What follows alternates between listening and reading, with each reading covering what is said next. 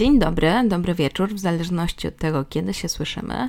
Dzisiaj postanowiłam nagrać taki dodatkowy odcinek, chociaż zobaczymy, czy się wyrobię e, w związku z tym na niedzielę. Myślę, że będzie ciężko, dlatego że w sobotę wyjeżdżam do Poznania w celach zawodowych, więc podejrzewam, że w niedzielę będę odpoczywała. Ten odcinek powstał też z myślą o tym, że bardzo się cieszę, że na grupie mamy już tysiąc osób. Jeżeli jeszcze nie jesteście na grupie na Facebooku, to serdecznie Was zapraszam. Kryminalne historie. Tak jak kanał, tak samo grupa na Facebooku. Będzie mi miło, jeżeli dołączycie. Dzisiejszą historię przyznam się szczerze, że podpatrzyłam na jednej z grup, raczej nie mojej i wiem, że link wrzucała Gosia. Bardzo mnie ta sprawa zainteresowała i postanowiłam troszkę w niej pogrzebać, dowiedzieć się więcej, bo sama wcześniej o niej nie słyszałam. Natomiast będzie to dosyć drastyczna sprawa, więc jeśli jesteście wrażliwi na jakieś takie sadystyczne szczegóły, jeżeli nie za bardzo lubicie słuchać o takich sprawach, to lepiej tego odcinka nie słuchajcie. Dziękuję Wam także za wszystkie komentarze i słowa wsparcia. Dziękuję także za Wasz udział w rozwoju mojego kanału, czyli między innymi na Patronajcie, czy też e, dzięki temu, jak się wypowiadacie na grupie, czy tutaj na YouTubie. Jestem Wam za to bardzo wdzięczna i cieszę się, że zrobiła się wokół tego podcastu taka fajna społeczność. No dobra, ja już nie przedłużam i zapraszam Was do wysłuchania dzisiejszej historii i przenosimy się do Chicago.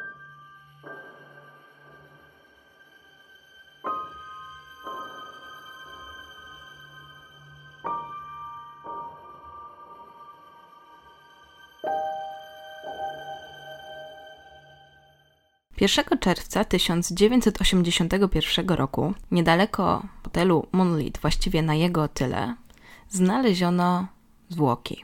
Pokojówka, która akurat wyrzucała śmieci i poczuła jakiś taki okropny zapach, który wydobywał się z okolic hotelu, postanowiła poinformować swojego menedżera, dlatego że z dnia na dzień był on coraz mocniejszy. Hotel był umiejscowiony w dosyć takiej obskurnej okolicy. Kręciło się tam też dużo takich e, podejrzanych osób, można powiedzieć typów z podciemnej gwiazdy, więc za bardzo nikt się początkowo tym nie przejmował. Ale gdy już zgłoszono znalezienie czyichś zwłok na tyłach hotelu, to trzeba było to zgłosić policji, a więc trzech funkcjonariuszy wybrało się tam, by sprawdzić otrzymaną przez telefon informację o ciele znalezionym na tyłach tego hotelu. Początkowo spodziewali się, że być może znajdą jakieś martwe zwierzę, ale niestety bardzo się pomylili. Było to bowiem ciało młodej kobiety, a właściwie to, co z niego zostało, bo rozkład już tak daleko postąpił, że zostały głównie kości i niewielkie kawałki mięsa przylegającego do kości. Oczywiście na pierwszy rzut oka było widać, że zwłoki znajdowały się w tym miejscu od dosyć dawna. Nie było to nic nadzwyczajnego. Dla policjantów, dlatego że już nieraz mieli do czynienia z zabójstwem, tak, ze znalezieniem jakichś e, zwłok, jakiegoś ciała. Jednak to, co ich bardzo zszokowało, to to, że kobieta miała na sobie kajdanki, i prawdopodobnie one zostały jej założone zanim umarła. Oprócz tego w ustach miała jakiś kawałek materiału, którego użyto prawdopodobnie jako knebla i ubrana była jedynie w sweter i majtki, które były ściągnięte mniej więcej na wysokość ud. Kolei w jej skarpetach znajdował się mały zwitek banknotów, więc od razu policjanci założyli, że kradzież nie była tutaj motywem zbrodni. W tamtym czasie policja nie miała jeszcze tak zaawansowanych metod, jeżeli chodzi o badanie stanu rozkładu ciała, więc e, tak mniej więcej mogli tylko założyć, ile kobieta znajdowała się w tej okolicy, właściwie jej ciało. I też to, kim ona była, stało się dla nich priorytetem. Jedyne, co im właśnie zostało, to skontaktowanie się z jakimś ekspertem, patologiem, żeby pomógł im ustalić mniej więcej, ile tutaj mogła leżeć i co spowodowało śmierć. Ważne było także to, aby ustalić, czy to miejsce, w którym znaleziono ciało, było także miejscem, w którym kobieta została zamordowana, czy może po prostu ktoś ją tam porzucił. Oczywiście przejrzano też bazy osób zaginionych, czy ktoś nie zgłosił zaginięcia podobnej kobiety, jednak policja nie trafiła na żaden trop. Pozostało im czekać, aż koroner dokona autopsji, a następnie będzie mógł im przedstawić przyczynę śmierci. Przy okazji pobierze też odciski palców i zrobi odpowiednie zdjęcia zębów ofiary.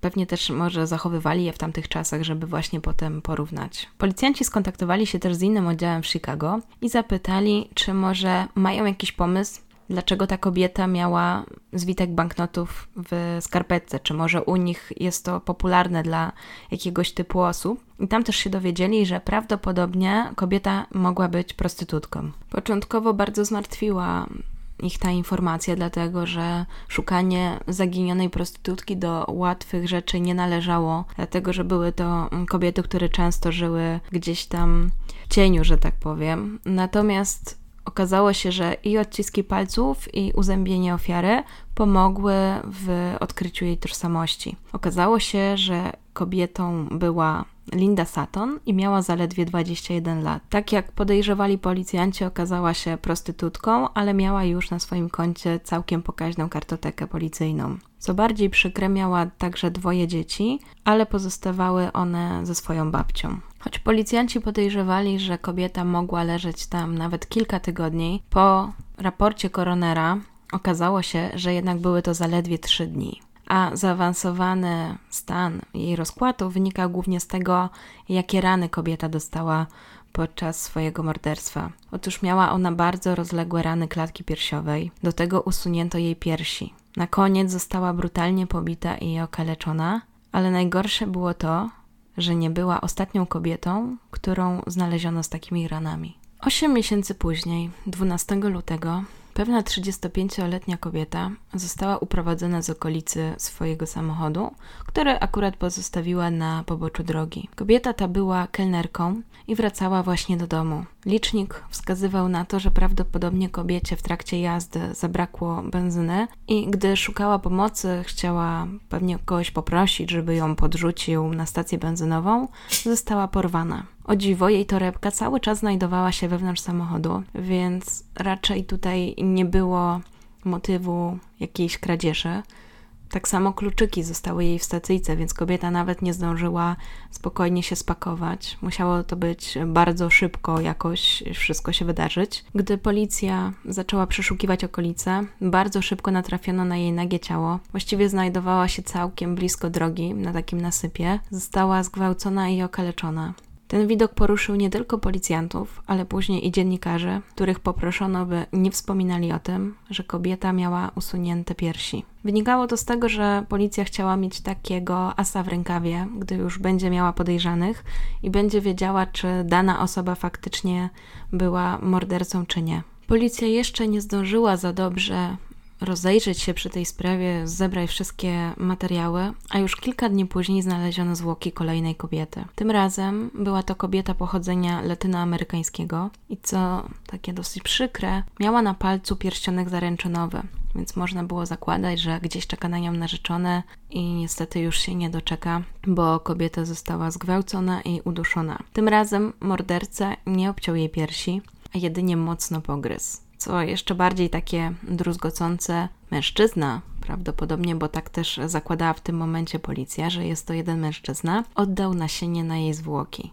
Policjanci postanowili poprosić o pomoc jakichś psychiatrów, żeby mniej więcej nakreślili, z kim mogą mieć do czynienia. I jeżeli chodzi o taką psychiatryczną ocenę, to na wstępie oczywiście założono, że jest to taki mężczyzna, który prawdopodobnie posiada rodzinę, i kocha zwierzęta, niczym się nie wyróżnia, ale ma swoje takie alter ego. Aż mi się Dexter trochę skojarzył. Czyli ma takiego swojego mrocznego rycerza, którym nikt nie wie i w nocy przeradza się w takiego mordercę, psychopatę, znajduje ofiary, nie wiem, zagubione kobiety, właśnie prostytutki, a jakieś samotne kobiety, które gdzieś spacerują i po prostu je atakuje a wtedy daje swoim fantazjom ujście i po prostu osiąga podniecenie. Choć policjanci pracowali bardzo wytrwale przy tych sprawach, próbowali znaleźć sprawcę, to niestety śledztwo nie postąpiło naprzód i już w maju porwano kolejną młodą kobietę. Była to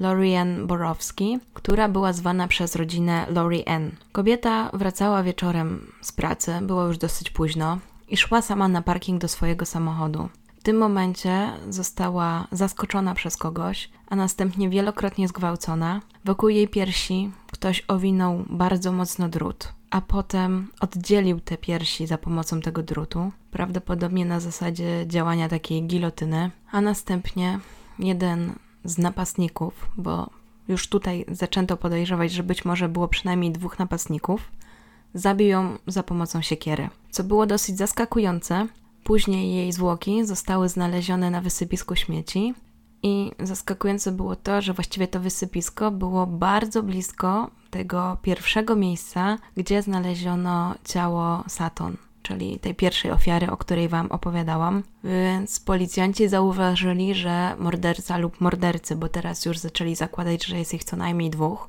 zaczęli bardzo się rozkręcać. I choć policja robiła wszystko, co mogła, żeby jak najszybciej złapać tych przestępców, to niestety ten przestępca przestępcy niezbyt długo czekał z kolejnym atakiem. Już dwa tygodnie po zabiciu, właściwie najpierw po porwaniu i zabiciu Lorien, uprowadzono kolejną kobietę.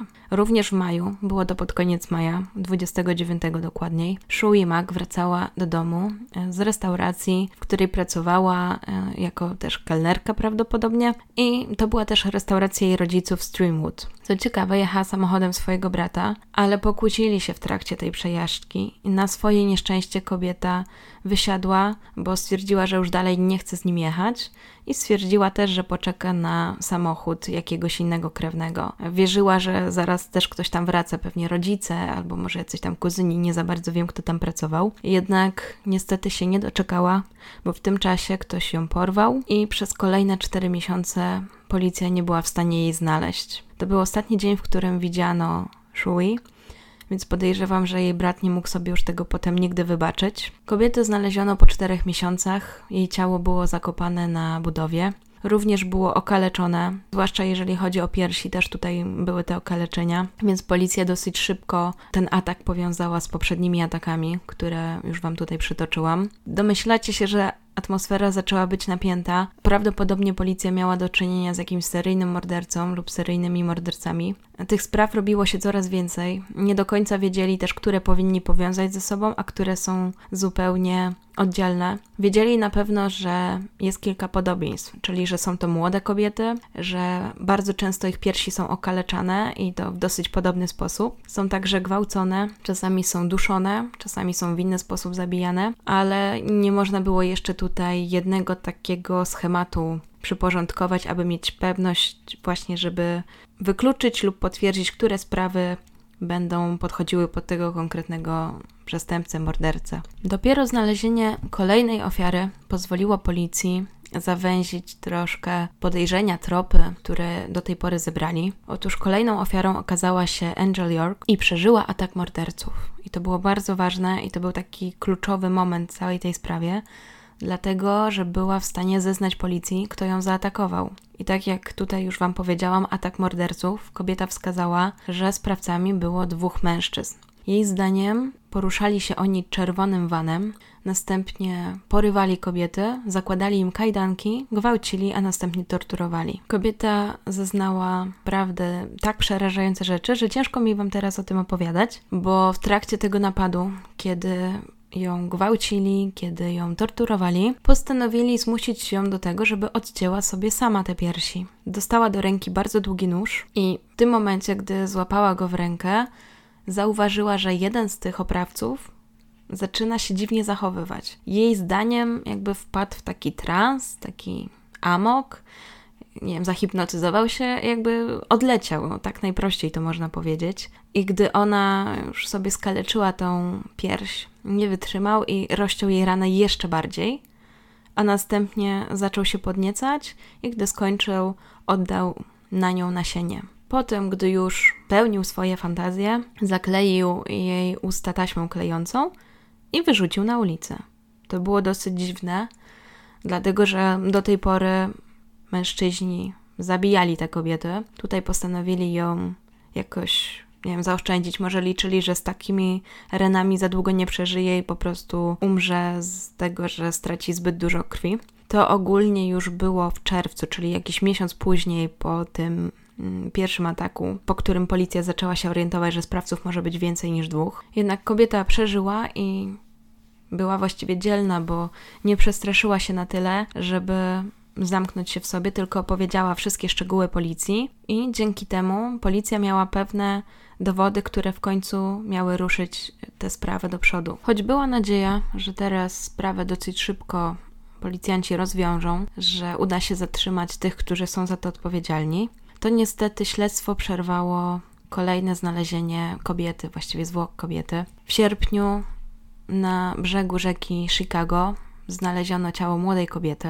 Tą kobietą była Sandra Dilware i jej ręce także zostały związane, choć tym razem nie była skrępowana kajdankami, tylko było to za pomocą sznurówek. Jej lewa pierś została usunięta w charakterystyczny sposób jak przy poprzednich zbrodniach, jednak dookoła jej gardła tym razem był obwiązany biustonosz. Kobieta była prostytutką, więc była dosyć łatwym celem dla potencjalnych morderców. Mężczyźni nie musieli się pewnie za dużo natrudzić, żeby jakoś ją przekonać, żeby gdzieś z nimi poszła.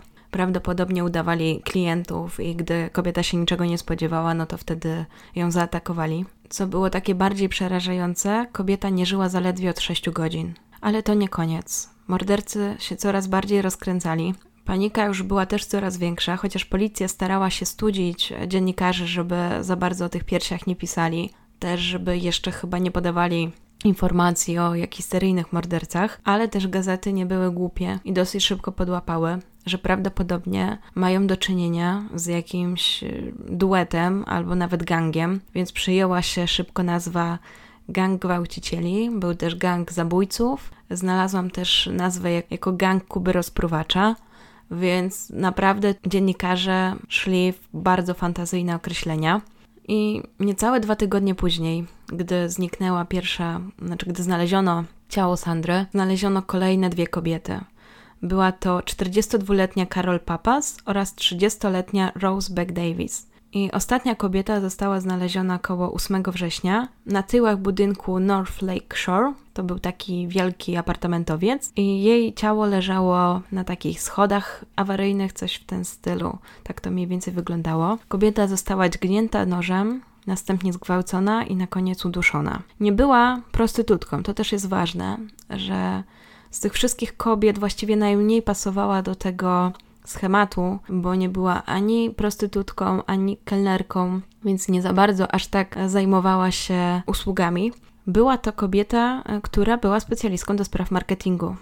Podejrzewam, że może szła też do swojego samochodu, który zostawiła na parkingu za tym apartamentowcem, a mężczyźni wykorzystali jej chwilę nieuwagi, tego, że może była sama na tym parkingu i następnie ją porwali. Wokół jej szyi była zawiązana taka czarna skarpetka, a jej ubrania były po prostu wszędzie porozrzucane. Co jest takie dosyć straszne, to to, że jej twarz zmiażdżono i wokół jej ciała było pełno krwi, po prostu wszędzie. Więc podejrzewam, że ten, kto znalazł jej ciało, to nie zapomni tego widoku do końca życia. Również w tym wypadku, również w tym wypadku okazało się, że do zadania tak licznych ran użyto siekiery, więc to już była druga kobieta, w przypadku której posłużono się siekierą. Mordercy nie oszczędzili także jej piersi. Było na nich widać głębokie cięcia. Również na jej łonie pojawiły się jakieś nakłucia, jakieś rany, więc mordercy w jej wypadku naprawdę dosyć daleko się posunęli, jeżeli chodzi o jakieś tortury. Nie znalazłam informacji, czy te rany były pośmiertne, czy zadano je jeszcze za życia, ale jeżeli były za życia, to nawet nie chcę sobie tego wyobrażać. Bo jak już wam to opowiadam, to mnie jako kobiecie jest no, po prostu słabo, jak to sobie wyobrażam. No, nie wiem, to jest straszne. No, wiecie, no, piersi są jednak atrybutem kobiety, kobiecości, a tutaj jest jakiś morderca, mordercy, tak, którzy mają jakiś z tym problem już od razu mi się w głowie pojawia jakiś problem z matką, nie wiem dlaczego, ale tak mi się to kojarzy. Więc te ataki to jest jakaś po prostu furia, no nie wiem jak to inaczej określić, albo no zboczenie i to bardzo zaawansowane. Tak też pewnie podejrzewała policja, że mają do czynienia z jakimś bardzo chorym człowiekiem albo chorymi ludźmi i poprosili o stworzenie profilu zabójcy. Tym razem zgłosili się do FBI, więc nie, nie już do zwykłych psychiatrów, ale do FBI. I tam już była ta jednostka behawioralna, i mm, wśród nich był Robert, e, Robert Ressler, którego możecie kojarzyć z tego nowego serialu na Netflixie, jeżeli oglądacie, bo tam to fajnie zostało przedstawione. Na podstawie tych dowodów, które od nich dostał, stwierdził, że prawdopodobnie mają do czynienia z zabójcą, który jest niepewny swojej seksualności. Czyli tu pojawił nam się nowy wątek, że prawdopodobnie może być też homoseksualistą, albo może być, ale nie chce nim być, więc sobie z tym nie radzi. Chociaż jego zdaniem największe prawdopodobieństwo było takie, że mają do czynienia z biseksualnym mężczyzną. Według niego dodatkowo Ressler dodał, że policja powinna szukać kogoś o takim delikatnym, zniewieściałym wyglądzie, czyli nie będzie to raczej męski mężczyzna, może on być też dosyć szczupły, może być taki właśnie mm, kobieco ubrany. Dziwnie to tak brzmi, ale chodziło o to, że on będzie taki bardzo zniewieściały. Policja oczywiście zachowała ten profil, postanowiła, że będzie miała na uwadze te wszystkie rady, ale nie zdążyła jeszcze spokojnie się z nim zapoznać, gdy już w październiku zaginęła inna prostytutka, 20-letnia Beverly Washington, która również została okaleczona, zgwałcona, a następnie porzucona. W jej wypadku zdarzyła się ta sama historia, co w przypadku Angel. Otóż mężczyźni po zakończeniu swojego ataku, po zakończeniu działania według schematu, postanowili zostawić ją na pewną śmierć. Stwierdzili, że z takimi okaleczeniami to na pewno umrze i po prostu odjechali. Jednak ku ich pewnie zaskoczeniu kobieta przeżyła. Udało się ją zabrać do szpitala i Potem udało się ją także przesłuchać policji. To właśnie ona jako pierwsza opisała policji, że to nie było dwóch mężczyzn, to nie był jeden mężczyzna, ale była to cała grupa mężczyzn. Jej zdaniem opisała, że została porwana z ulicy, następnie była naprawdę w sposób okropny torturowana. Domyślacie się już pewnie jak, bo te poprzednie historie dużo mówią. A na koniec właśnie pozostawiona sama sobie, już właściwie wiedziała, że umiera po prostu jakiś cud ją tylko uratował, ale to bardzo pomogło po prostu policji, bo zorientowali się, z czym mają do czynienia, że to jest cały właściwie gang, czyli dziennikarze aż tak bardzo się nie pomylili. Kobieta dała radę też przekazać śledczym parę ważnych informacji.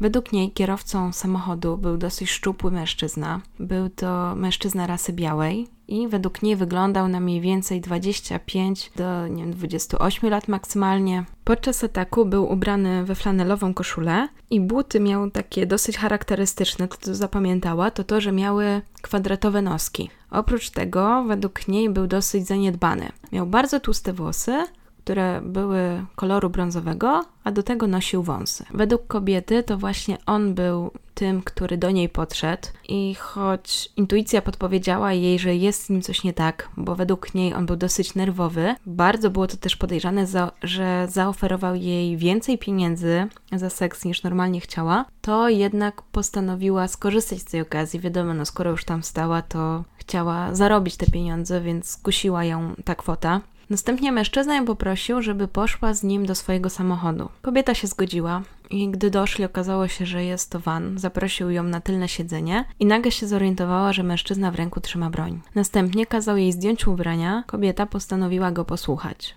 Gdy się rozebrała, Podał jej kajdanki i kazał je założyć. Następnie zmusił ją do seksu oralnego i groził pobiciem, jeżeli nie połknie tabletek, które właśnie jej przekazywał. Kobieta postanowiła zrobić wszystko, co on jej kazał, bała się wiadomo o życie. Chociaż podejrzewała, że być może nie wyjdzie z tego cało, to jednak stwierdziła, że będzie wykonywała jego rozkazy. I gdy łyknęła te tabletki, po chwili zaczęła tracić przytomność. Jednak gdy już ją traciła, to zauważyła, że mężczyzna trzyma jakiś drucik w ręce. Jej się to też trochę skojarzyło ze struną gitarową i podejrzewała, że zaraz umrze, że może to jest do ścięcia jej głowy czy coś w tym stylu. Jednak okazało się, że do czego innego użył tego drucika, jak się domyślacie, oczywiście do odcięcia jej piersi. Następnie kobieta została porzucona na śmietnisku, i tam też potem znaleziona. Jedynie co jest lekko pocieszające, to w zasadzie mężczyzna obciął jej tylko jedną pierś. Drugą zaczął odcinać, ale całej nie zdążył. Na jej szczęście właśnie na tym wysypisku ktoś ją przyuważył i bardzo szybko wezwał pogotowie, a następnie policję. I dzięki temu, że szybko zareagowano, udało się właśnie ją zabrać do szpitala i dzięki temu y, złożyła te zeznania, które właśnie Wam mniej więcej przytoczyłam. Policjanci postanowili jeszcze dopytać ją o ten samochód, tego wana, o którym wspomniała, czy może pamięta jakiś kolor, albo czy pamięta, czy jakieś szyby były normalne, czy przyciemniane. Kobieta powiedziała, że z tego co kojarzy, to samochód był czerwony i miał te przyciemniane szyby, oraz to, co ją gdzieś tam zainteresowało, to to, że deska rozdzielcza była drewniana. Znaczy, zainteresowało, po prostu utkwiło jej to w pamięci. I jeszcze to, co pamiętała, to, że jak jest to e, lusterko, które jest z przodu, to z niego wisiała taka przynęta, która taka jak na ryby się jedzie, nie wiem czy kojarzycie, i się łowi na spinning, to była taka przynęta z piórkami. Może Was to zaskoczy, ale właśnie te szczegóły odnośnie samochodu, jakim poruszali się ewentualni sprawcy lub sprawca, bo tutaj głównie była mowa o jednym mężczyźnie, przyczyniły się do tego, że w końcu udało się zlokalizować właściciela tego samochodu. Po około trzech tygodniach, czyli mniej więcej 20 października 1982 roku, policji udało się zatrzymać kierowcę czerwonego vana. Co prawda mężczyzna miał rude włosy i nie za bardzo odpowiadał temu opisowi, który wcześniej przedstawiła ofiara, ale jego samochód idealnie pasował. Tym kierowcą był Eddie Spreitzer i powiedział, że van należy do jego szefa, Robina Gechta. W związku z tym policja stwierdziła, że będą musieli przesłuchać także tego Gechta, więc poprosili tego Spreitzera, aby pojechał pod dom szefa i powiedział, że musi się z nim spotkać, żeby on wyszedł przed dom i policja chciała właśnie zobaczyć, czy ten szef będzie tym mężczyzną, którego opisała ta kobieta. Gdy mężczyzna wyszedł, bo stało się według ich planu, wszystko zgodnie z tym planem poszło, to od razu policjanci zauważyli, że mężczyzna pasuje do tego opisu i miał nawet na sobie flanelową koszulę oraz te charakterystyczne buty, które zapamiętała kobieta. Mężczyzna natomiast był całkiem wyluzowany, taki spokojny. E, nie zachowywał się nerwowo, nie rozglądał się, był skory do pomocy, bardzo chętnie rozmawiał z policją. Więc policjanci zaczęli się zastanawiać, że albo on jest jakiś niewinny, albo jest arogancki, albo na przykład y, chory jakiś psychicznie, albo nie wiem, może ma te dwie osobowości, tak jak wskazał e, tamten profiler, tak, Russell. Dla pewności jednak e, postanowili zweryfikować, czy kobieta, czyli Washington, będzie pamiętała mniej więcej, jak wyglądał ten mężczyzna, który ją zaatakował. Przygotowali dla niej odpowiednie zdjęcia i poprosili, aby z nich wybrała tego mężczyznę, którego opisywała. Wśród tych zdjęć był oczywiście ten Gech, ten właściciel tego wana i kobieta po obejrzeniu tych kilku zdjęć od razu wybrała zdjęcie Gechta. Była pewna, że to on ją skrzywdził i nawet się właśnie nie zawahała, nie, nie było w niej w jej głosie jakiegoś znaku zapytania czy coś, była pewna, od razu na niego wskazała. Więc policja stwierdziła, że jednak trzeba wezwać tego Gechta na posterunek, trzeba go przepytać i chcieli na spokojnie z nim porozmawiać, więc najpierw do niego pojechali, żeby go zaprosić na ten posterunek, ale gdy już z nim się spotkali, to się okazało, że Gech tam czekał na nich z prawnikiem. Więc od razu policji zapaliła się żaróweczka, że mężczyzna może mieć coś do ukrycia, bo skoro był taki przygotowany, a przecież nie wiedział, że tego dnia policja przyjedzie, to może miał coś jednak na sumieniu. Oczywiście już nie był taki skory do współpracy, nie za bardzo chciał rozmawiać, już nie było tak łatwo cokolwiek z niego wyciągnąć, więc jedyne co policji pozostawało to uruchomić jakieś swoje znajomości, poszukać jakichś swoich anonimowych źródeł i dowiedzieć się, z kim w ogóle mają do czynienia. Dosyć szybko dowiedzieli się, że mężczyzna ma dosyć nieciekawe powiązania z różnymi przestępcami, zwłaszcza z takim jednym, dosyć też znanym policji w tym rejonie. Ten mężczyzna był aresztowany 3 lata wcześniej, w 79 roku, więc można było podejrzewać, że działa z tak zwanym półświadkiem. Trzy lata wcześniej Gecht prawie był oskarżony o morderstwo młodych mężczyzn, a wynikało to z tego, że jednym z mężczyzn, z którymi działał, okazał się być John Wayne Gacy. Okazało się, że przebierał się on za klauna i bardzo często zabawiał chore dzieci, a potem w domu urządzał przyjęcia dla swoich sąsiadów. Tam też zwabiał młodych mężczyzn, następnie gwałcił ich i zabijał. Pod domem zakopał aż 28 z nich, a około 5 wrzucił do rzeki The Plains. I co ciekawe, ta sprawa była dosyć znana w Stanach Zjednoczonych i także wybiegła poza Stany, ale to co właśnie w tym ciekawe wszystkim, to to, że pomimo że całkowita liczba ofiar Gacy'ego wynosiła mniej więcej prawdopodobnie 33 osoby, do tylu się przyznał, to jednak w trakcie zeznań stwierdził, że kilku mężczyzn to nie on zabił, tylko ktoś inny, a właściwie ludzie, którzy dla niego pracowali i wśród nich był właśnie Robin Gecht, więc prawie zostało mu wtedy przypisywane, więc prawie zostało mu wtedy przypisane morderstwo młodych mężczyzn, ale uniknął kary, bo jednak udowodniono, że wszystkich zabił Gacy. Ale to też pokazało policji, że mają do czynienia z kimś, kto już ze światem przestępczym zna się bardzo dobrze, coś tam ma za uszami, więc stawał się coraz bardziej realnym podejrzanym. Policjanci bardzo pieczołowicie pracowali nad tą sprawą, starali się powiązać samochód tego wana czerwonego, czyli tego, którego właścicielem był Gecht, z jakąkolwiek ze spraw kobiet, które Wam już omawiałam. I w ciągu kolejnych dwóch tygodni w końcu im się to udało. Otóż druga kobieta, która przeżyła atak, czyli była to Beverly Washington, również potwierdziła, że to był ten sam samochód, który opisała ostatnia ofiara. W tym momencie policja zaczęła podejrzewać, że mają do czynienia przynajmniej z trzema sprawami, które są ze sobą powiązane. I jako podejrzanych na celownik wzięła Gechta i Spreizera, czyli tego kierowcę, którego zatrzymali w dniu, kiedy właśnie odkryli, mm, który to może być samochód, ale okazało się, że na tych trzech sprawach wcale się nie zakończy. Oczywiście mężczyźni wcale nie mieli ochoty pracować, właściwie współpracować z policją. Nie chcieli dostarczać żadnych informacji, które mogłyby pomóc policji w rozwiązaniu tego śledztwa, ale policja zauważyła, że z tych dwóch mężczyzn to prawdopodobnie Spreitzer będzie tym słabszym ogniwem, więc na niego postanowili, więc to na niego kładli większy nacisk, bo właśnie liczyli, że tym sposobem się złamie. Też w trakcie tych wszystkich przesłuchań zauważyli, że mężczyzna bardzo się boi swojego szefa podczas swoich zeznań cały czas wydawało się, że ma do niego taki szacunek, ale wynikał on właśnie z jakiegoś strachu. A im bardziej policja na niego naciskała, tym bliżej byli tego, aby w końcu się przyznał. W końcu gdzieś tam uderzyli w odpowiednie struny i mężczyzna chyba poczuł się winny, bo stwierdził, że powie im wszystko, co się wydarzyło.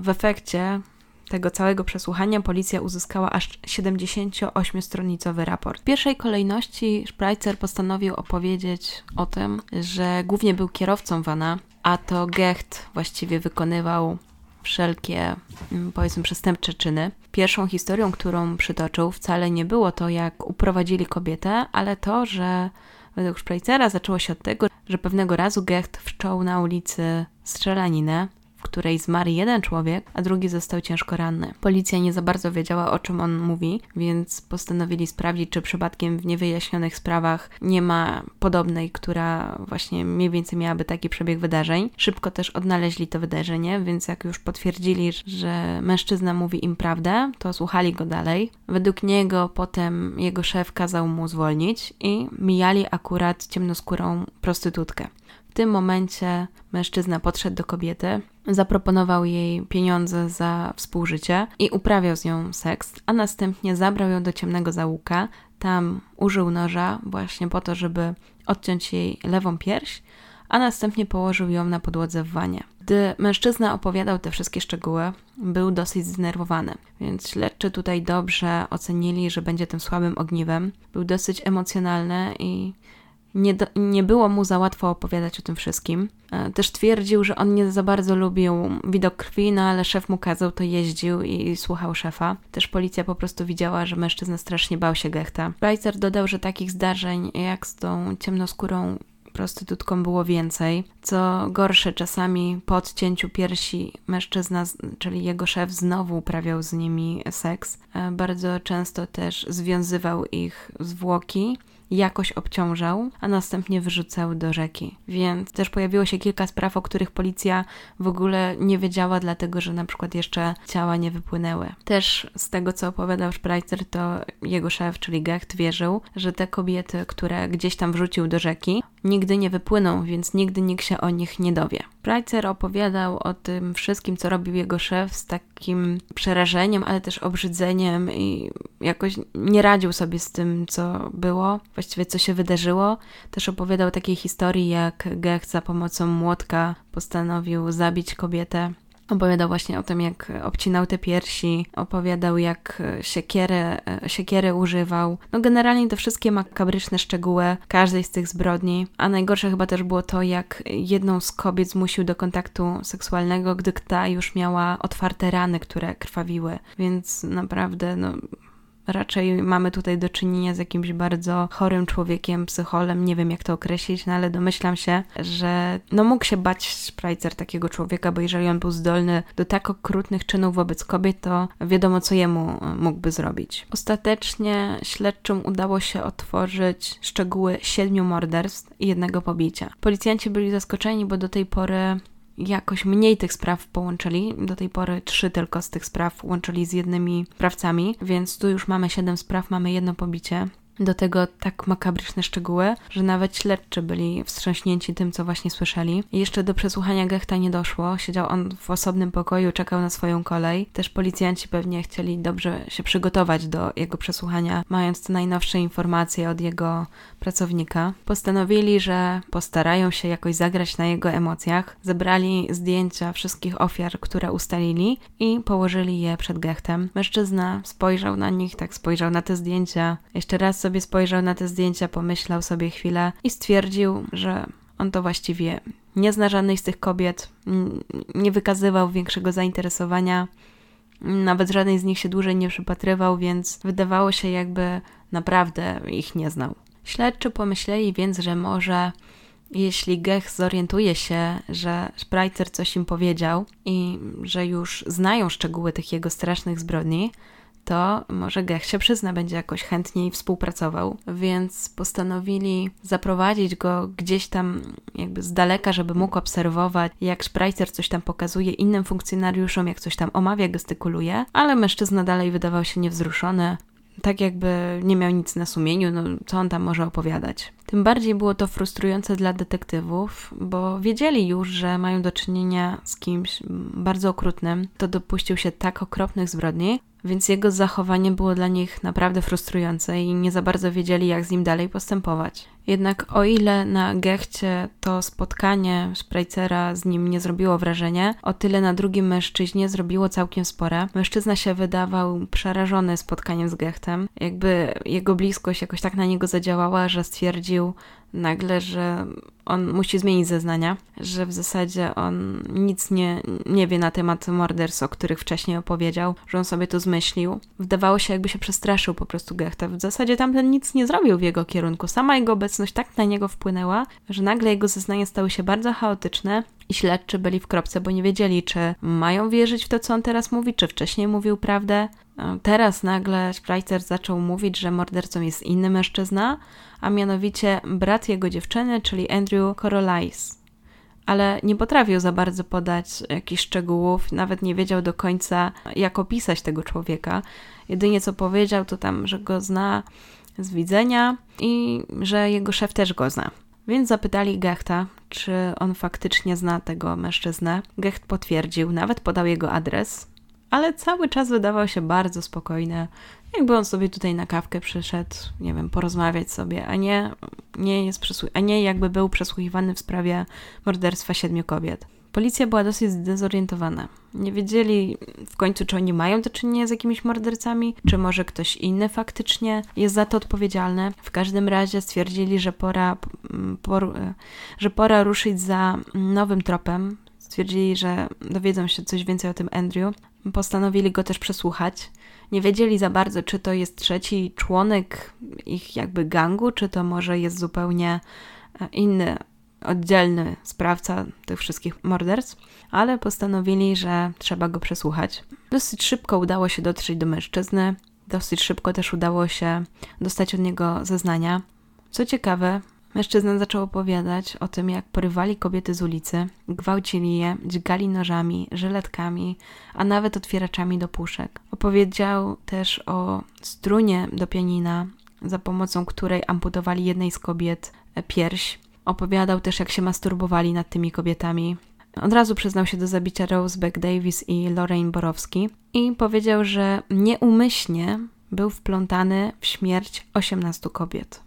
Domyślacie się, że w tym momencie policja po prostu aż z wrażenia to chyba usiadła, bo tutaj przed chwilą badali 7 spraw, właściwie 7 morderstw, a nagle tutaj mężczyzna im mówi, że jest 18 kobiet więc śledczy już byli kompletnie zdezorientowani.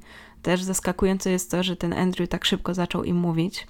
Potwierdził, że byli we trójkę w tej zmowie i byli tym ala gangiem i dopuścili się tych wszystkich zbrodni. I spokojnie sobie to wszystko opisywał, jakby bez większych wyrzutów sumienia. Tak jakby, nie wiem, opisywał, co dzisiaj było w telewizji. I kiedy opisywał jeden z ataków, dokładniej na Sandrę Delaware, powiedział, że właśnie wepchnął jej w usta kamień, żeby przestała krzyczeć, bo go drażniło to, że ona się tak głośno darła, a następnie, że wepchnął jej w pochwę butelkę po winie. I zrobił to tak mocno, że kobieta zaczęła okropnie krwawić. Doszło do jakiegoś krwotoku wewnętrznego, A to go nie wiadomo czemu roz, rozłościło i postanowił, że jeszcze e, zacznie dźgać ją nożem. Co gorsze, raport z autopsji właśnie taki przebieg wydarzeń potwierdził. Co w ogóle mogło sprawić, że młodzi mężczyźni, którzy powinni, nie wiem, zajmować się sobą, swoim rozwojem, nie wiem, zakładać rodzinę, postanawiają stać się po prostu jakimś chorym gangiem, nie wiem, rozpruwaczy, gwałcicieli, zabijaczy, no nie wiem jak to inaczej określić, ale no brzmi to jak paradoks. Ta nazwa w ogóle brzmi jak paradoks, ale tak się generalnie wydarzyło. I tutaj niestety podłożem są prawdopodobnie satanistyczne obrzędy. Policjanci stwierdzili, że czas przesłuchać otoczenie mężczyzn i dowiedzieć się o nich coś wie czegoś więcej, jakie mają charaktery, jakie przyzwyczajenia. I dosyć szybko udało im się zebrać informację, że Gecht miał fetysz na punkcie piersi i bardzo często prosił swoje dziewczyny, podejrzewam, że swoje, albo no po prostu takie, z którymi gdzieś tam blisko był, o to, czy może je gać w biust szpilkami. No to jest faktycznie jakiś dziwny fetysz. Nie wiem, z czego to wynika, ale no jest to przerażające, zwłaszcza, że okazuje się, że Gecht miał żonę. I ta żona była poddawana prawdopodobnie jeszcze gorszym torturom, tylko że nigdy nie zgłosiła tego na policję. Z kolei, jeżeli chodzi o Andrew, to czyli tego trzeciego członka, powiedzmy, tego gangu, to wyszła taka informacja, że on ma opóźnionego w rozwoju brata. E, ten brat nazywał się Tommy i śledczy postanowili również jego przesłuchać. I w momencie jego przesłuchiwania nagle śledczy się zorientowali, że nie rozmawiają tylko z bratem mordercy, ale także, że prawdopodobnie rozmawiają właśnie z czwartym członkiem tego gangu gwałcicieli. Nie wiem, jak ich nazywać właściwie, ale możemy zostać przy gangu gwałcicieli. Z racji tego, że mężczyzna był dosyć, powiedzmy, taki wrażliwy, delikatny, to dosyć szybko śledczym udało się wydobyć jego przyznanie do winy i przy okazji jeszcze więcej makabrycznych szczegółów. Zapytałam Was, jak to się stało, że e, młodzi ludzie, tacy młodzi mężczyźni, e, zaczęli zabijać kobiety i powiedziałam, że, że prawdopodobnie wynikało to z jakichś praktyk satanistycznych i najgorsze jest to, że właśnie wtedy w Stanach Zjednoczonych w latach 80. właśnie panowała taka moda. Tylko o ile najczęściej chodziło o odwiedzenie cmentarzy, czczenie diabła, nie wiem, kontaktowanie się z duchami, nos noszenie czarnych ubrań, to ci czterej mężczyźni posunęli się dalej. Postanowili odprawiać jakieś dziwne rytuały, w które wierzyły, w które wierzyli, że pomogą im się skontaktować z szatanem. Prawdopodobnie temu wszystkiemu dowodził właśnie Gecht i to on był dla nich kimś w rodzaju idola, no nie wiem jak to, trochę to była taka ich mini sekta, on był takim ich przywódcą. Kazał swoim wspólnikom zbierać e, fragmenty ciała, które odcięli ofiarom, następnie cieli je na drobne kawałki. To, co się teraz pojawia strasznego, bo oprócz tego, że te satanistyczne wszystkie praktyki, to przy okazji pojawia się kanibalizm. Gdy cieli te ciała na kawałki, to następnie robili coś w rodzaju satanistycznej komunii. I to było ich takie, taki ich opłatek do przyjęcia. No nie wiem, jak to powiedzieć inaczej. No, nie wiem, to jest tak po prostu obrzydliwe, jak wam to opowiadam, że ciężko e, mi to przez usta przechodzi. W każdym razie oni właśnie konsumowali te fragmenty ciała ludzi. Prawdopodobnie w domu Gechta mieściła się też taka ich mini świątynia. Na strychu jego domu stworzył ołtarz, przy którym mężczyźni się zbierali i tam czcili szatana poprzez te dziwne rytuały. To wszystko odbywało się, gdy byli sami w domu, bo żona Gechta była w pracy w tym czasie, więc tak naprawdę nikt za bardzo nie wiedział, co oni tam robią. Mm, na ścianie prawdopodobnie miał sześć takich czerwono-czarnych krzyży, a ołtarz przykrył czerwonym materiałem. to było ich takie główne miejsce, gdzie się spotykali, gdzie oddawali cześć e, szatanowi i Wszystkie te swoje rytuały odprawiali. I prawdopodobnie to właśnie było powodem zabijania tych wszystkich kobiet, że oni potrzebowali do tych swoich rytuałów części ciała, krwi tych kobiet, e, nie wiem, może też jakieś e, to były ich ofiary. Nie mam pojęcia dokładnie, aż tak się nie ciekawiłam e, tą religią, ale podejrzewam, że tak to mogło mniej więcej wyglądać. Też Tommy trochę opowiedział więcej na ten temat. On też zeznał policji, że wszyscy klękali dookoła tego ołtarza i Gecht jako ten przywódca chodził wokół nich i po kolei im podawał kawałki tych ciał kobiet i następnie czytał fragmenty z Biblii. tylko to było takie dosyć specyficzne, bo w trakcie, gdy czytał te fragmenty, to oni wszyscy się tam masturbowali i kończyli na tych podawanych częściach ciała. No nie, to jest po prostu strasznie obrzydliwe. Nie wiem, jak ja w ogóle mogę Wam to opowiadać. Jak zaczynałam tę historię, to nie wiedziałam, że dojdziemy do takich szczegółów, ale zaczęłam i, i chciałabym to jakoś skończyć. A wiem też, że część z Was lubi te szczegóły. Natomiast jeżeli, słuchajcie, jeżeli to jest dla Was za ciężkie, to przewincie serio, bo to jest naprawdę bardzo drastyczne. Chyba gorsze niż historia Jesse'ego Pomeroya. No i jak e, wracając do naszego rytuału, jak już oni wszyscy e, kończyli się masturbować, już nasienie znajdowało się na tych częściach ciała, to Gecht podawał im to, te części, tak, żeby każdy zjadł swój fragment, a oni następnie to konsumowali. Tommy powiedział też, że sam był świadkiem przynajmniej dwóch morderstw i brał udział w około 12 rytuałach. Nie wiem w jakim to było czasie, jak długo trwały te ich spotkania, ale brzmi to strasznie. Nie wiem, w ogóle sobie tego nie mogę wyobrazić. Detektywi chyba podobnie, bo zapytali go, dlaczego on w ogóle robił takie makabryczne rzeczy, co go do tego skłoniło. Na co mężczyzna odpowiedział, że Gecht miał w sobie tyle charyzmy, tak potrafił jakoś do niego dotrzeć, że wszyscy przy nim miękli i robili dokładnie to, co on chciał. Ujął to w bardzo prostym zdaniu, mianowicie po prostu musiałeś to robić.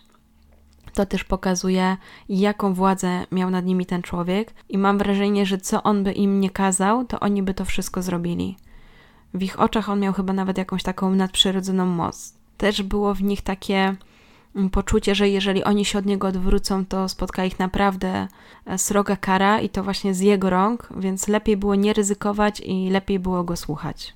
Po zakończeniu tych wszystkich przesłuchań, mm, wyjawieniu tych wszystkich szczegółów, które są naprawdę makabryczne, wszyscy mężczyźni zostali umieszczeni w więzieniu.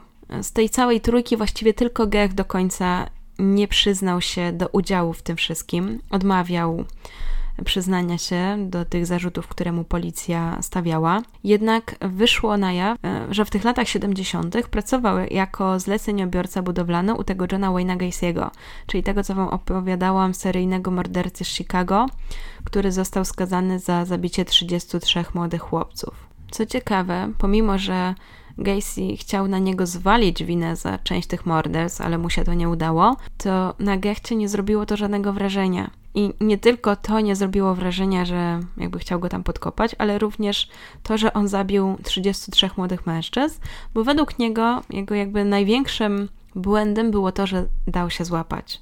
Czyli nie miał w ogóle, nie wiem, żadnej empatii, żadnych emocji. Nie wiem, może to był po prostu jakiś socjopata, psychopata, pewnie e, to ewentualnie mogło wyjść później już po przebadaniu przez psychiatrę.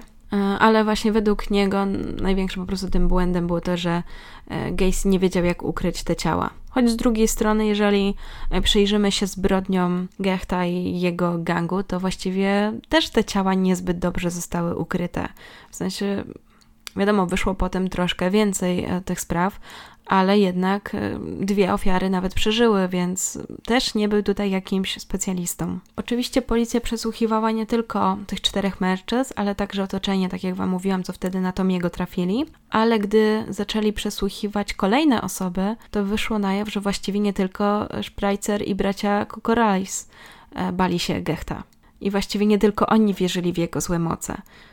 Dużo osób podkreślało, że Gecht ma jakieś powiązania z szatanem, że może jakieś nieszczęście na nich ściągnąć, więc lepiej tutaj na niego źle nie mówić. Miał też sobie coś takiego, że przyciągał do siebie ludzi. No tak jak Wam wspomniałam, wydaje mi się, że był idealnym materiałem na przywódcę jakiejś sekty. Jeszcze taka ciekawostka, że w ogóle jeden ze świadków przesłuchiwanych ostrzegł policję, żeby mu nie patrzyli w oczy, bo on coś takiego ma w tych oczach, że potrafi każdego zmanipulować i też tak sprawiał, że inni przyłączali się do jego tej mini organizacji. Oczywiście policja nie traktowała jakoś tego specjalnie poważnie, ale mieli to na uwadze, że mogą mieć do czynienia z kimś, kto wie, jak właśnie manipulować innych. Śledczy też dotarli do informacji odnośnie dzieciństwa mężczyzny.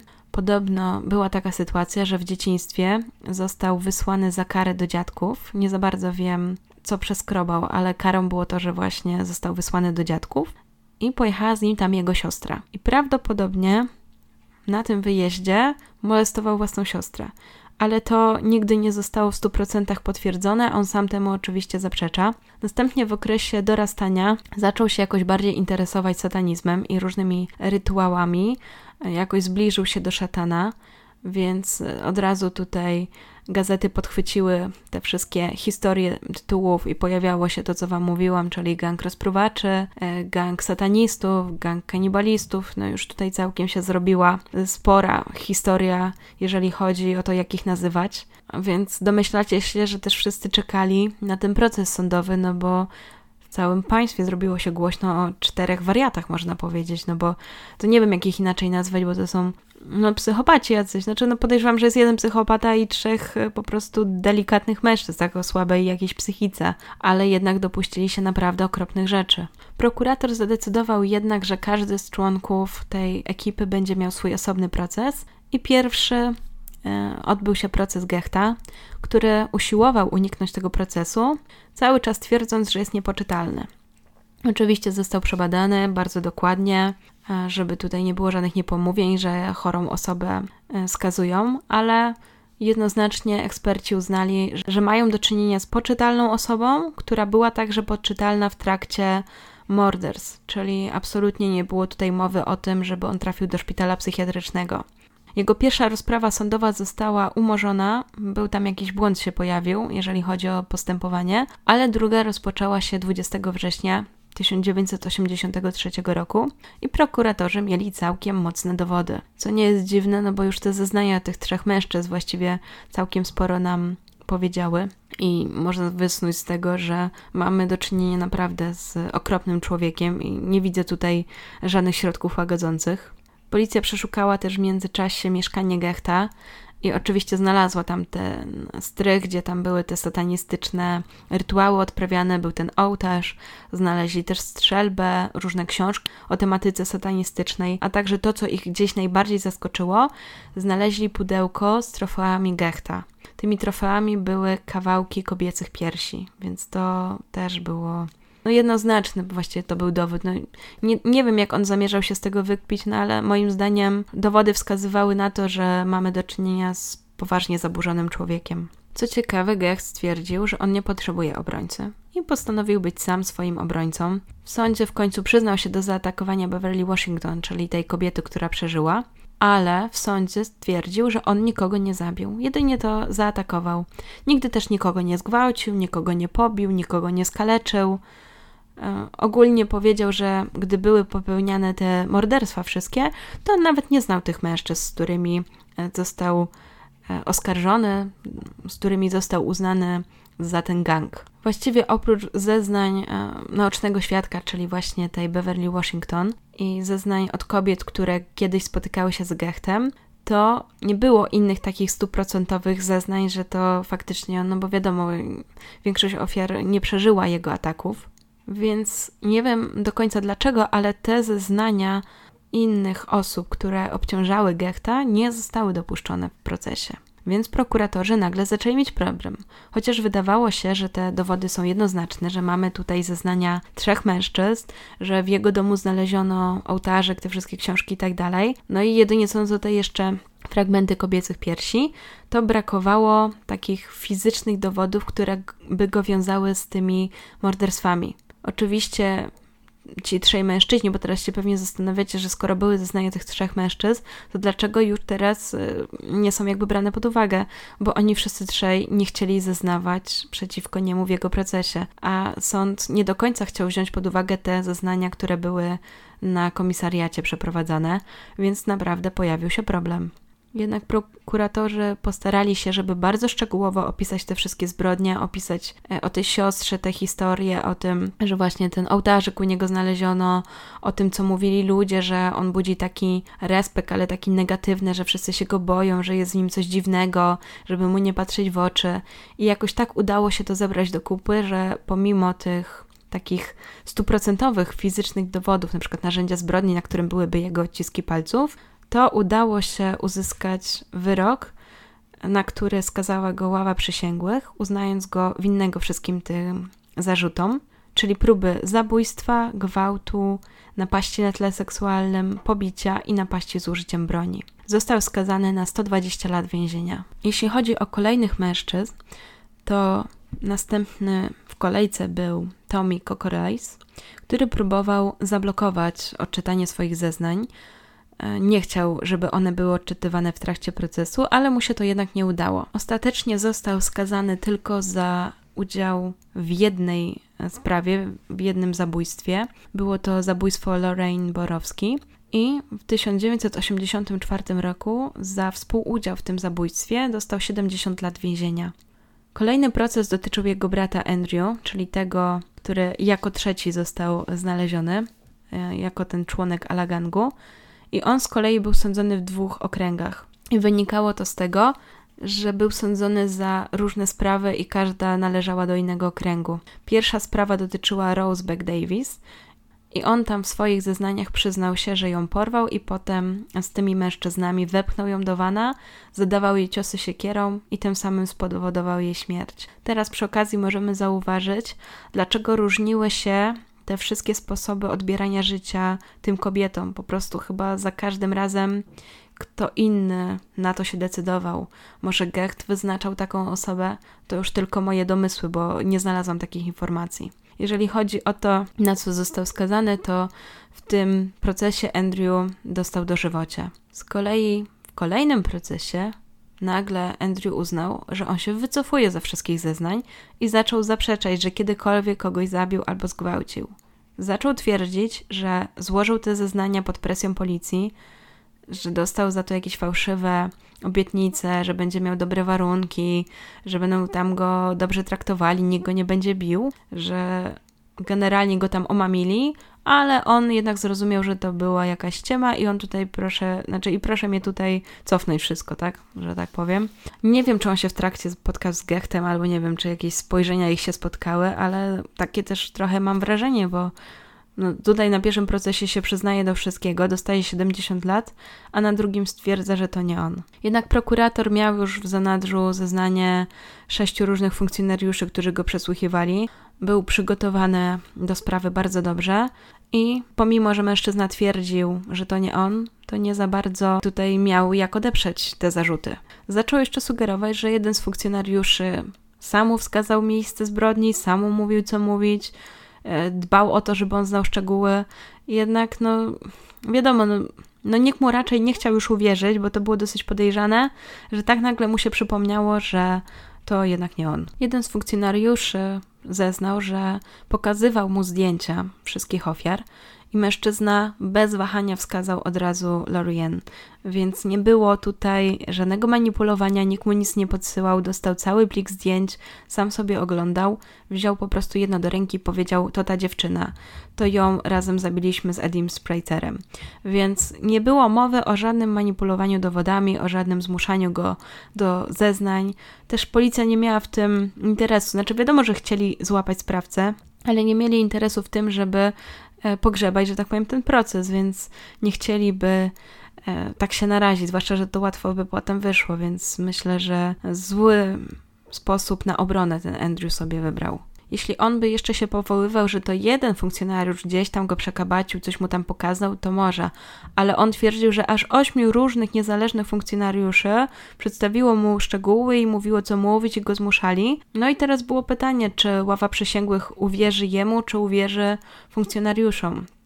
Szansa na to, że ośmiu różnych funkcjonariuszy tak się bawiło, była raczej niewielka, więc wydawało się, że wyrok jest pewny. Ława przysięgłych obradowała około trzech godzin i ostatecznie uznali go winnym morderstwa kobiety, a następnie skazano go na karę śmierci.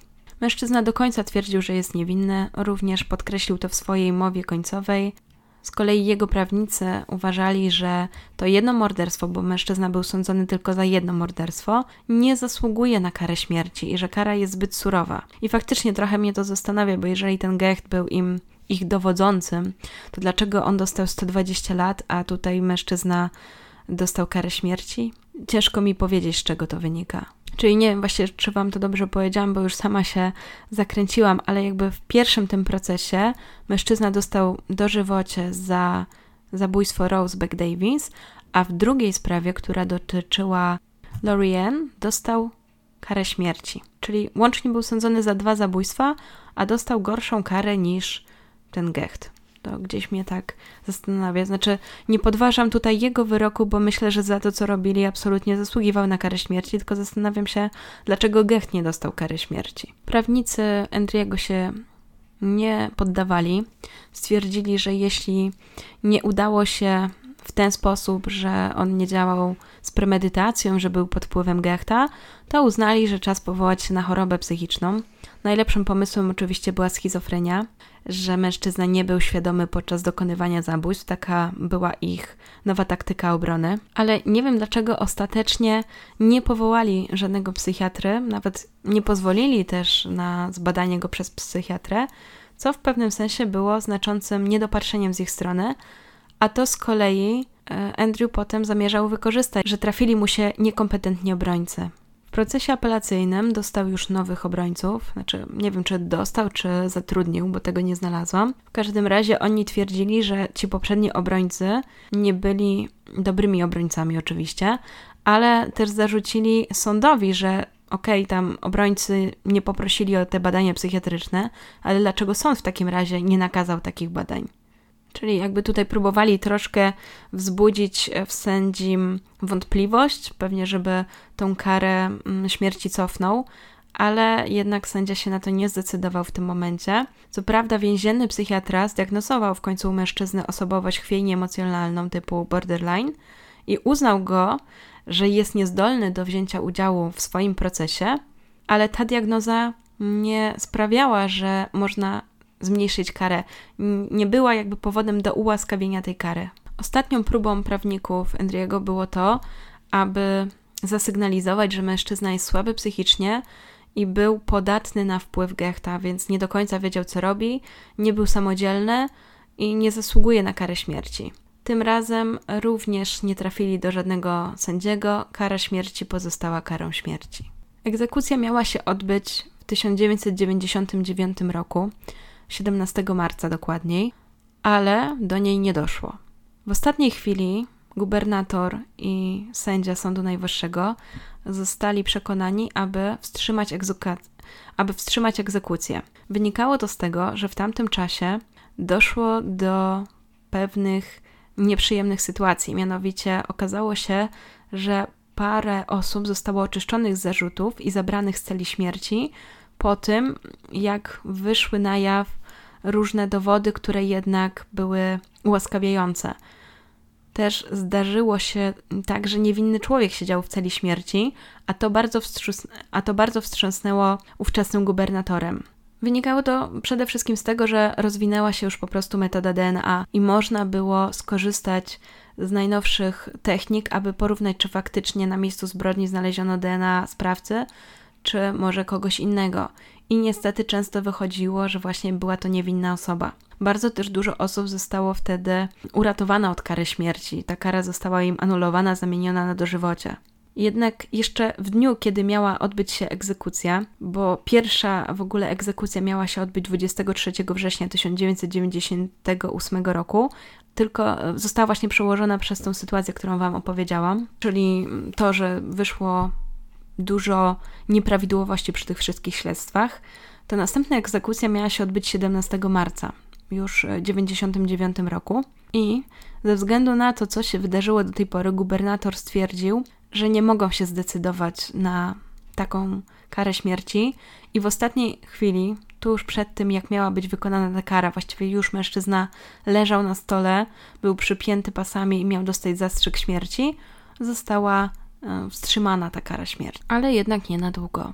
W końcu nadszedł dzień, który był dla Enriego dniem ostatnim. Chociaż mężczyzna wierzył, że do tego nie dojdzie, e, został przewięziony mm, do tej sali, gdzie będzie poddany tej karze śmierci. Dostał możliwość pożegnania się z bliskimi poprzez rozmowę telefoniczną. Zadzwonił do swojego brata, ale nie tego Tomiego, co był tym niepełnosprawnym bratem, tylko innego, więc z tego wynika, że miał innego brata, chociaż wcześniej nie udało mi się za wielu informacji znaleźć na ten temat.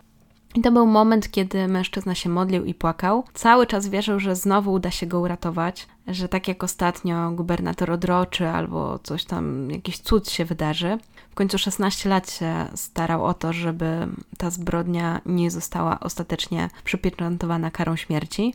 Ale o 12.34 dostał śmiertelny zastrzyk i był ostatnią osobą, która w stanie Illinois, której została wymierzona kara śmierci.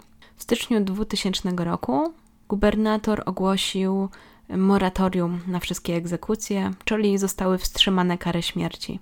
Więc tym sposobem właśnie dlatego Andrew został ostatnim mężczyzną, człowiekiem, który odbył taką karę przed ogłoszeniem tego moratorium. Ostatnim do zasądzenia był Spreitzer, czyli kierowca.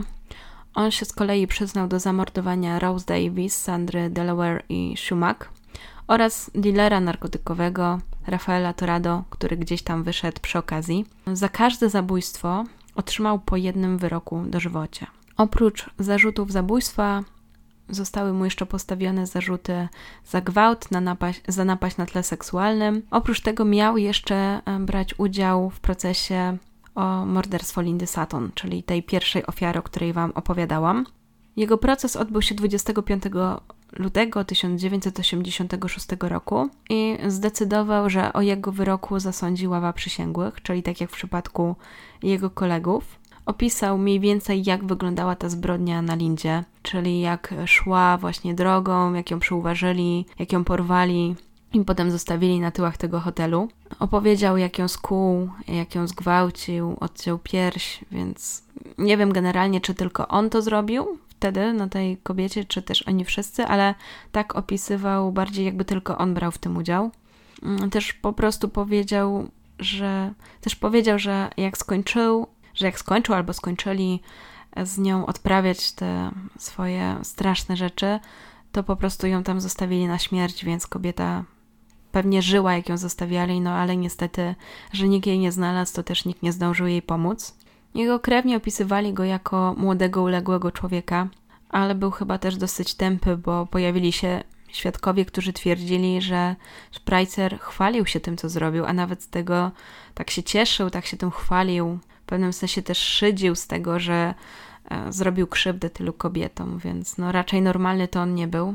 Oczywiście potem błagał o litość, błagał o to, żeby dostać w miarę łagodny wyrok, ale to nie dało jakiegoś wielkiego rezultatu. Został oczywiście skazany winnym porwania i morderstwa. I w jego przypadku również ława przysięgłych uznała, że najlepszym, że najlepszą karą będzie dla niego kara śmierci.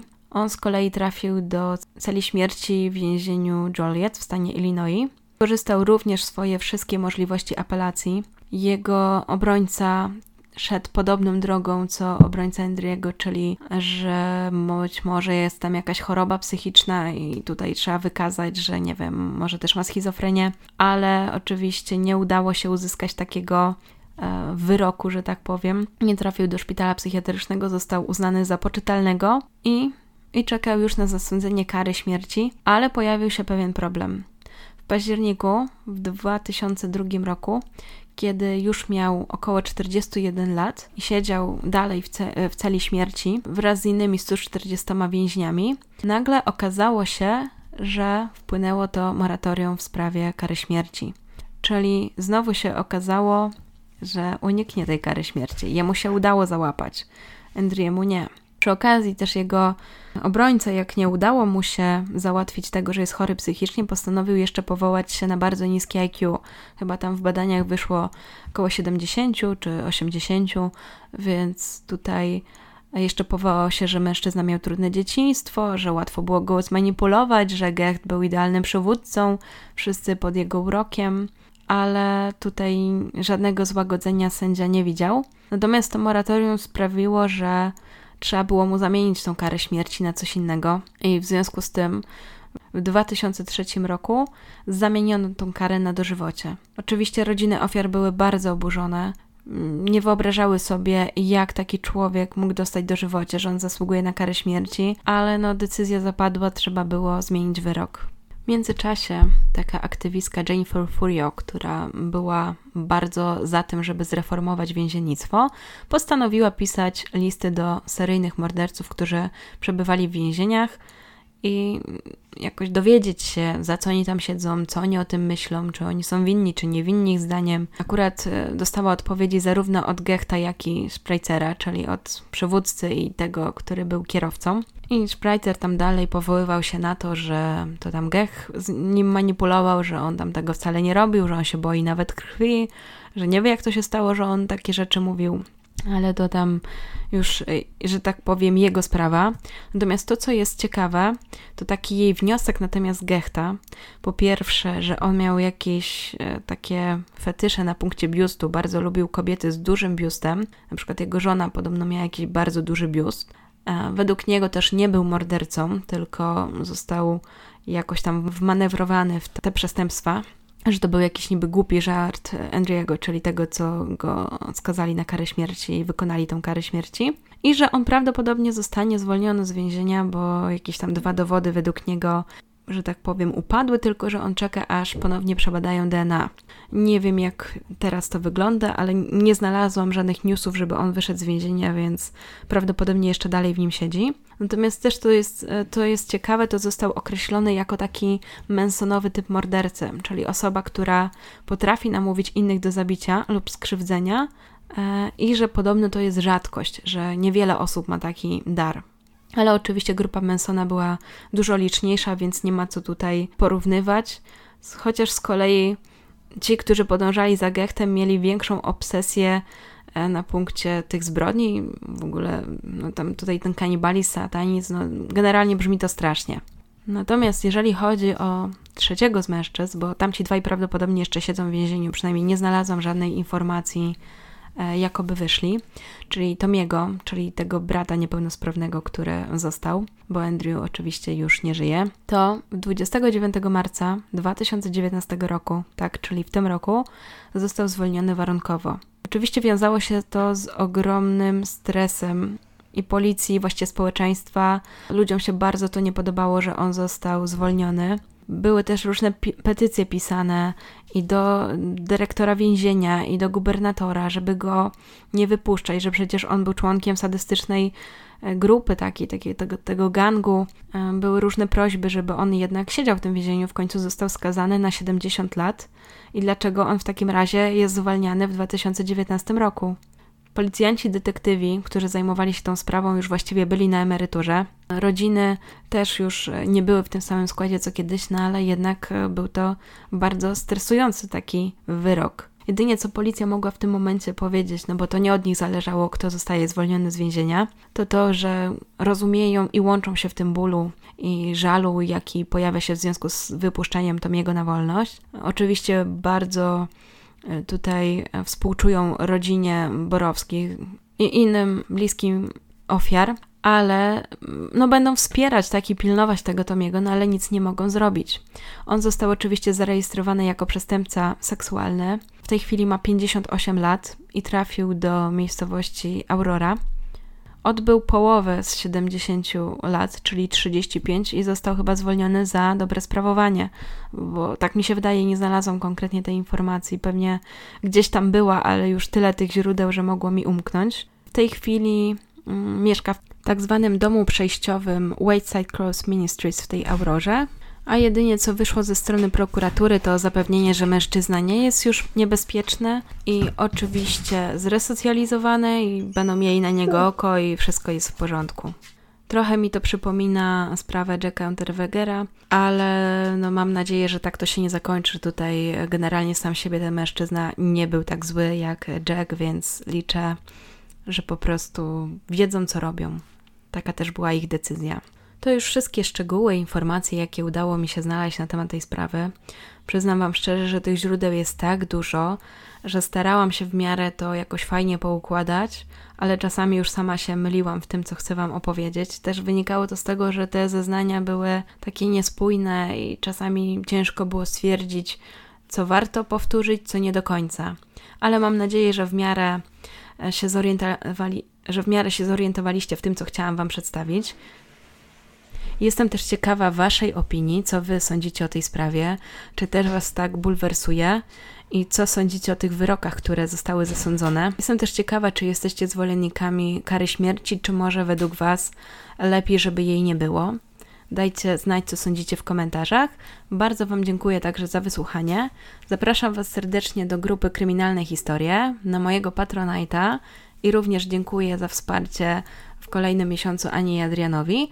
Oraz jeżeli macie jeszcze jakieś sugestie, jakieś pomysły, o czym mogłabym nagrać, to czekam na nie i do następnego odcinka. Do usłyszenia.